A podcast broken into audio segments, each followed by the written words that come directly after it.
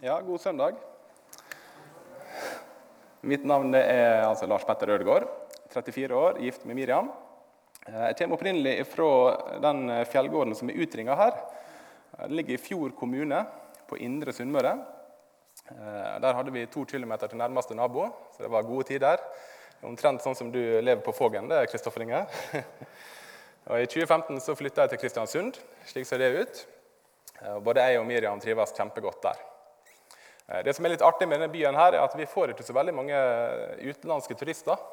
Men de få som kommer, de blir ofte svært skuffa når de innser at de kom til Kristiansund og ikke Kristiansand. Det er Et vanlig spørsmål i sentrum det er om vi kan fortelle veien til Dyreparken. Så det, så det, det er noe trist. Men um, til og med norske turister kommer og havner i feil by. Og Det er veldig bra for oss, for da holder de liv i flyplassen vår, som vi kjemper for. Vi må bare fortsette å sende dem opp dit. I 2018 så kjøpte vi et industrilokale i byen. Og så planta vi en menighet som i dag heter Misjonssalen Kristiansund. Eh, og Der ble jeg spurt om å gå inn i tjeneste som pastor, og jobber der nå på femte året. Vi er rundt 30 eh, medlemmer og er med det en av de største menighetene på hele Nordmøre. faktisk. Så det er ei lita misjonsmark oppi der. Eh, og slik, vi har noen kristne, men de som blir, de får jo gifte seg ned og flytte til Rogaland. Så da, da, blir det slik. Men uansett, takk for invitasjonen hit. Jeg har som sagt blitt utfordra til å fortelle litt om min trosreise. Eh, så jeg skal rett og slett starte med det før jeg vil vi skal gjøre en liten øvelse. Eh, og Deretter skal vi gå og koble det sammen med en bibeltekst. Eh, og Jeg kan starte med å si at jeg har ikke alltid vært kristen. Jeg kommer ikke fra en kristen heim. Jeg hørte aldri bibelhistorier hjemme. Og det er fortsatt ingen andre i min familie som tror på Jesus. Ganske tidlig så begynte jeg å tenke litt over hva som var meninga med livet. Jeg spurte mamma en kveld om hva som skjer Eh, etter vi dør. Og Hun som ikke tror, hun sa til meg at da blir alt mørkt, og så er det slutt. Eh, og Jeg syntes det var et forferdelig svar. Jeg ble veldig redd av å høre det, og jeg fikk kanskje en liten sånn eksistensiell krise. Eh, og begynte deretter å få mange mareritt om døden. Ting som at familien min ble levende begravd, at jeg plutselig døde sjøl. Og så ble det en skummel tanke. På dette tidspunktet her så fikk jeg starte på en søndagsskole i bygda. Og litt Senere deltok jeg også på en ungdomsklubb som var drevet av de samme folka. Eh, ikke fordi verken jeg eller foreldre mine brydde oss om den kristne profilen, men det var jo der fordi vennene mine var der. Det var ikke så mye tilbud til barn og ungdom i, i min heimkommune. Så det var kjekt å komme sammen og, og spille spill og ha det gøy. Og så var andakten en helt sånn OK del av den pakken. Men litt etter litt så skjedde det noe i meg. Den forkynnelsen som jeg fikk høre på eh, søndagsskolen og etter hvert på ungdomsklubben, eh, gjorde at jeg begynte å bli nysgjerrig på Jesus. For disse personene hadde jo faktisk et godt svar på hva som skjer etter døden. Eh, så jeg hadde lyst til å bli en kristen. Jeg visste ikke helt hvordan, men etter hvert så valgte jeg å starte på en kristen videregående skole på Stranda som heter Vestborg. Tilsvarer da Tryggheim for dere, eller Lundaneset. Eh, og Da traff jeg gode og varme mennesker som tok imot meg på en fin måte. Fikk gå på morgenandakt og på møte og var med i bibelgruppe. Og etter lengre tid med forkynnelse så ble frelst når jeg var 16 år. Jeg har ikke sett det før nå i ettertid, men den bakgrunnen med søndagsskole og ungdomsklubb er nok mye viktigere enn det som jeg tenkte på det tidspunktet. Så jeg har bare lyst til å bruke et par minutter i innledninga til å hylle de av dere som driver barnelag, som er leder på søndagsskole eller ungdomsklubb. For jeg var et slikt barn som bare bråkte, som oppførte meg dårlig. Eh, jeg tror ingen av de som var der, så for seg 30 år senere skulle være pastor og jobbe med å reise rundt og forkynne om Jesus sjøl. Jeg tror at jeg til tider var ganske vanskelig å elske. Men de kristne lederne viste meg kjærlighet likevel. Av og til kan det virke helt bortkasta å legge med så mye tid og arbeid på barn som ikke ser ut til å bry seg. Men barn får med seg mye mer enn du tror. Også de barna som er ekstra krevende. Det er jeg et levende eksempel på, og jeg har fortsatt mange gode minner fra søndagsskolen. Alle de som driver med barne- og ungdomsarbeid, vet at dette er et arbeid som du sjelden ser fruktene av der og da. Flere av mine søndagsskoleledere er f.eks. døde. Men de var like fullt med på å føre meg nærmere Jesus. Og dette er jo en kjempeoppmuntring. Tenk for en rikdom å få så ut Guds ord mens du lever, og så bare fortsetter det å spire i mange år etterpå. Slik jobber faktisk Gud i hjertet til folk fortsatt. Så på vegne av alle vanskelige barn på søndagsskolen så vil jeg bare si tusen takk til tjenester som hver enkelt står i. Så må Gud velsigne dere. Og Da kommer vi litt til, eh, til, poenget mitt. For hva var det som gjorde at jeg kunne bli en kristen? Det var selvsagt Gud som frelste meg. Men han hadde jo sendt flere ulike vitner på veien min. Som gjorde at jeg fikk høre om Jesus. Noen måtte rett og slett fortelle meg vitne om Jesus. De gjorde det ikke hjemme, men jeg fikk høre andre plasser. Så hva mener vi med det å vitne? Det ordet er jo brukt andre plasser også. Det er bl.a. når vi vitner i rettssaker. Det har akkurat samme mening. Det å vitne betyr egentlig bare å snakke om det som vi har sett eller hørt. Og Det å snakke er jo et nøkkelpunkt her. For dersom du står i denne vitneboksen uten å bruke et eneste ord, så kommer ikke du særlig langt. Det hjelper ikke at du sjøl vet hva som er sant, hvis ingen andre i rettssalen får vite sannheten. Du er nødt til å bruke ord i rettssalen og også når vi vitner om Jesus. Og det å vitne er en måte å vise kjærlighet på til våre medmennesker. Det er ikke alltid de forstår det sjøl, eh, at vi deler det gode budskapet, men det er å vise kjærlighet. Hvem av oss er det som skal gjøre dette, og hvorfor skal vi gjøre det? Bibelen forteller at absolutt alle kristne er kalt til å gi evangeliet videre til andre mennesker. Og Den største og kanskje viktigste grunnen er jo at nå, i dag er det nesten tre milliarder mennesker som har lite eller ingen kunnskap om Jesus. Tre milliarder mennesker har ikke hørt at Jesus er Guds sønn og hele verdens frelser. Vi har lett for å tenke at en person er ikke-kristen eller kristen. Punktum. Og Det er for så vidt helt riktig. Du er enten frelst eller ikke frelst. Det går ikke an å ha ett bein i himmelen. Men samtidig så gjør det at vi mister nyansene. For det er ikke tvil om at noen er nærmere å tro enn andre. Så Derfor skal vi gjøre en liten øvelse nå. Dersom du i dag er her og ikke er kristen, så vil jeg at du skal se for deg det sjøl. Og dersom du er kristen, Eh, så vil jeg at du skal tenke på en person som du veldig gjerne skulle ønske ble kristen. Kanskje en i familien din, en kollega, en venn eller noen andre. Så vil jeg at du skal se for deg en skala fra minus 10, som er en person lengst mulig vekk fra kristen tro, og opp til pluss 10, der du lever nært Jesus. Og Tallet null er da du blir frelst. Hvor er det du befinner deg på denne skalaen? Er du på minussida eller på plussida? Er du langt eller Eh, nærme null.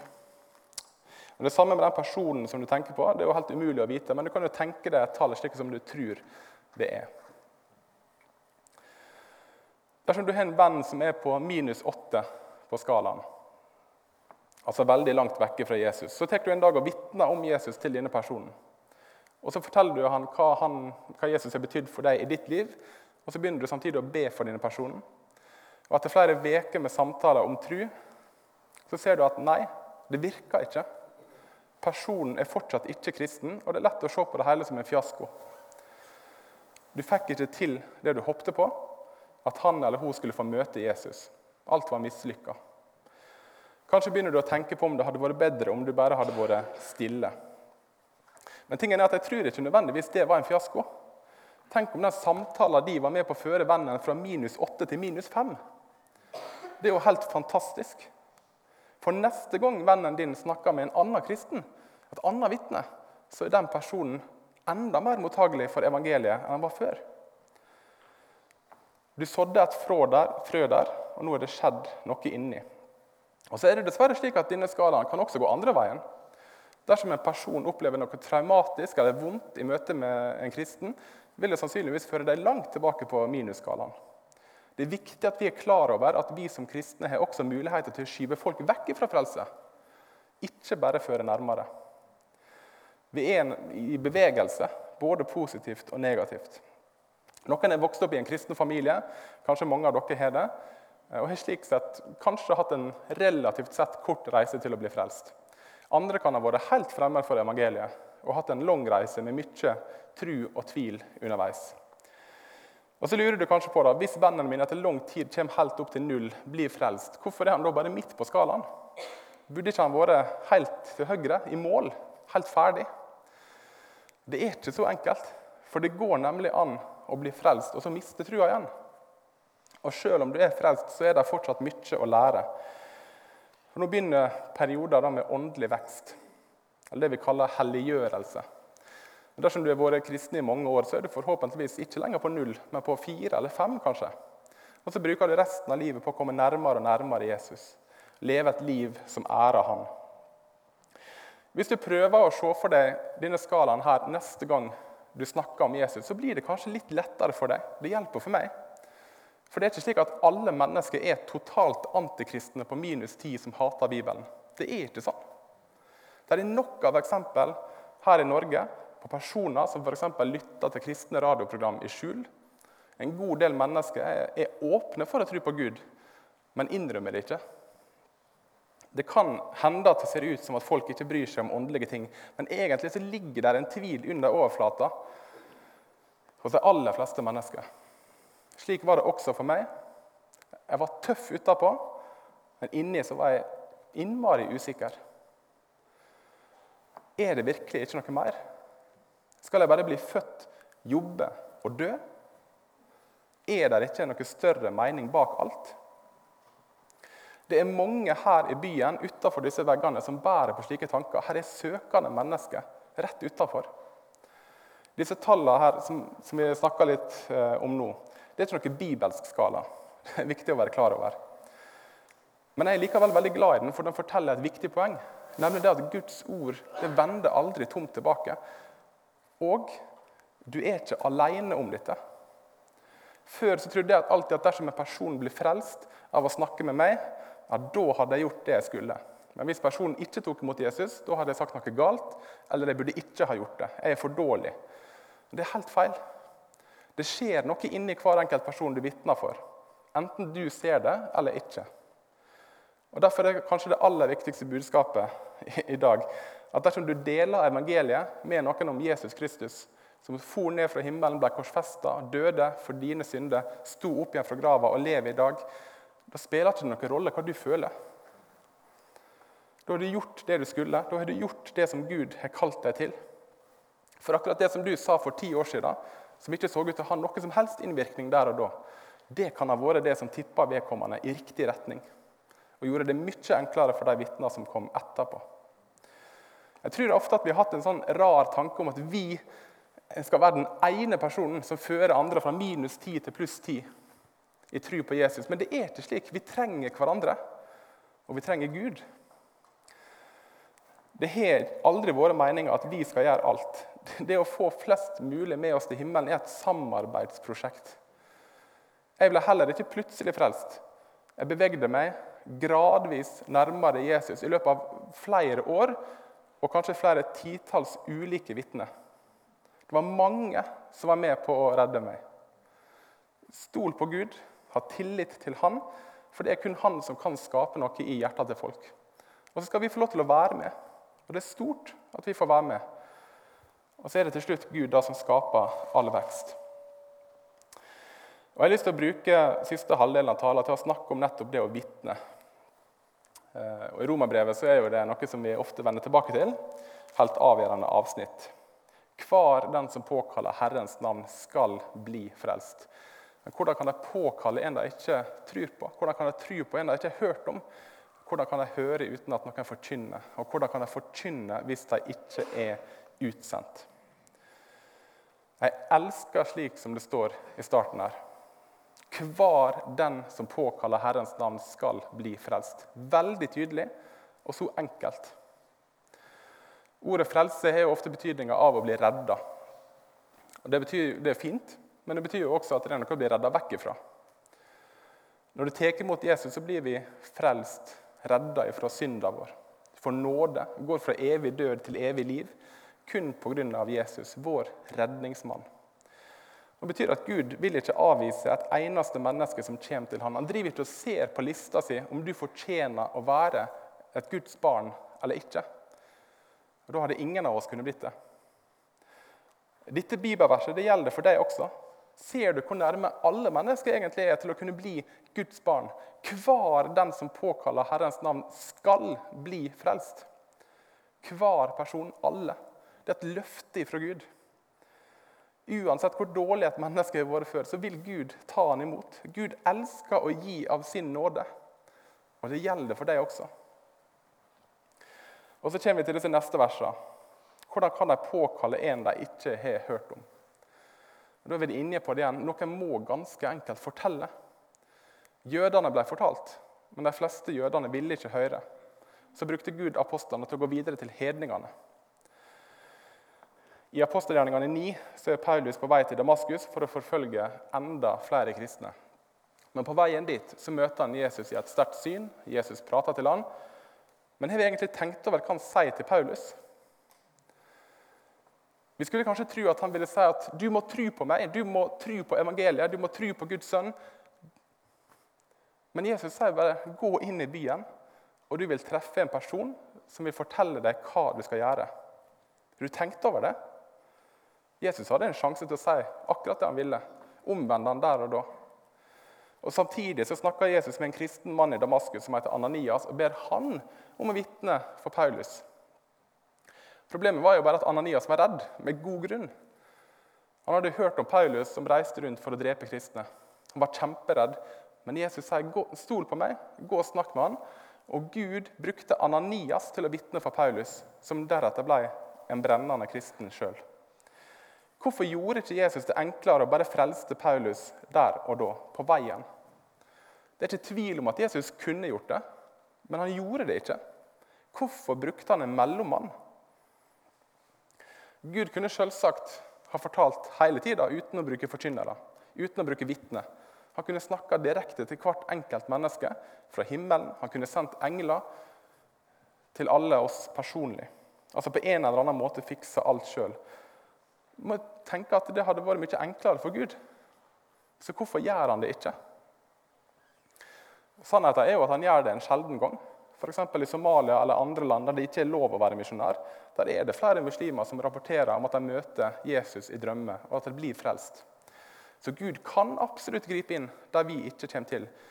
Men vi ser at det klart vanligste er at han likevel velger å bruke oss kristne til å spre evangeliet.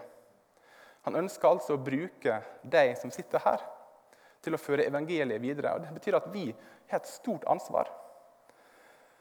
Det er sant, Vi har et ansvar for å forkynne evangeliet til folk. Men samtidig det vi ofte glemmer, er at lytteren har et minst like stort ansvar. For i de bibelversene som vi leser nå, så ser vi at det står om fem ulike ting som skal skje. Sende, forkynne, høre, tru, påkalle Herren. Og Det som er viktig og kanskje litt godt å huske på, er at når du vitner om trua eh, di til andre, så er du kun ansvarlig for de to første. Vi som allerede er kristne, skal sende hverandre ut til å forkynne evangeliet. Det kan være utfordrende, men det er også vår eneste oppgave. De mennesker som vi vitner for, har nemlig sjøl ansvar for de tre siste punktene. Vi kan ikke tvinge folk til å høre. Vi kan heller ikke tvinge folk til å tro, og vi kan heller ikke tvinge dem til å påkalle Jesus. Disse tre siste tingene er en sak mellom deg og Gud. Det eneste vi kan og skal gjøre, er å gå ut til folk og vitne. Og Det kan vi få hvile i når vi tenker at det ikke gikk så bra som vi hadde håpet. For da har du gjort det du skulle, og så må Gud fikse resten. Enten ved å sende andre kristne etter deg, eller ved å skape tru i hjertet til personen der og da. Og I tillegg til å vitne med ord, så kan vi også vitne med handlingene våre.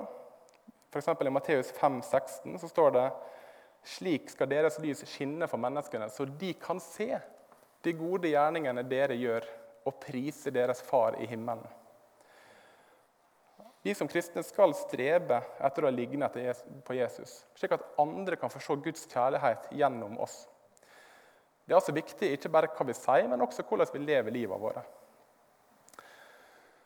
Kanskje skal du når du reiser hjem i dag ta og be Gud om muligheter til å dele trua di. For jeg tror at dette er en bønn som Gud veldig ofte svarer på. Så Prøv deretter å være oppmerksom på de mulighetene som åpner seg opp i hverdagen din. Vi er rett og slett nødt til å fortelle andre om at det er en som har ofra livet sitt for våre synder, slik at alle de som tror på Han, blir regna som Guds barn og får evig liv. Jeg er ikke så veldig frimodig sjøl, men jeg opplever for min egen del at det er godt å be Gud om hjelp til dette. For hvis ikke vi vitner om at Jesus er Guds sønn og har tatt alle våre synder, hvem skal da gjøre det? Vil ateistene gjøre det? Jødene? Muslimene? Buddhistene? Hinduistene? Hvem vil fortelle om Jesus hvis ikke vi gjør det? Ingen. Ingen. Og Det er et kjempeansvar, for det betyr at hvis ikke vi deler Jesus med andre, så vil ikke resten av verden rundt oss høre, og de vil gå fortapt. Den gode nyheten er at evangeliet blir forkynt. Det er fortsatt mange som blir kristne i Norge i dag. Jeg kjenner flere titalls som er blitt kristne siden årtusenstarten. Det er ganske ulike troshistorier blant disse, men det er én ting som er felles for dem alle. Det var noen som fortalte dem om Jesus. Det at noen turte å vitne for meg, det har forandra livet mitt. Det har forandra evigheten min. Ikke tenk smått på det å dele trua di med ikke-kristne.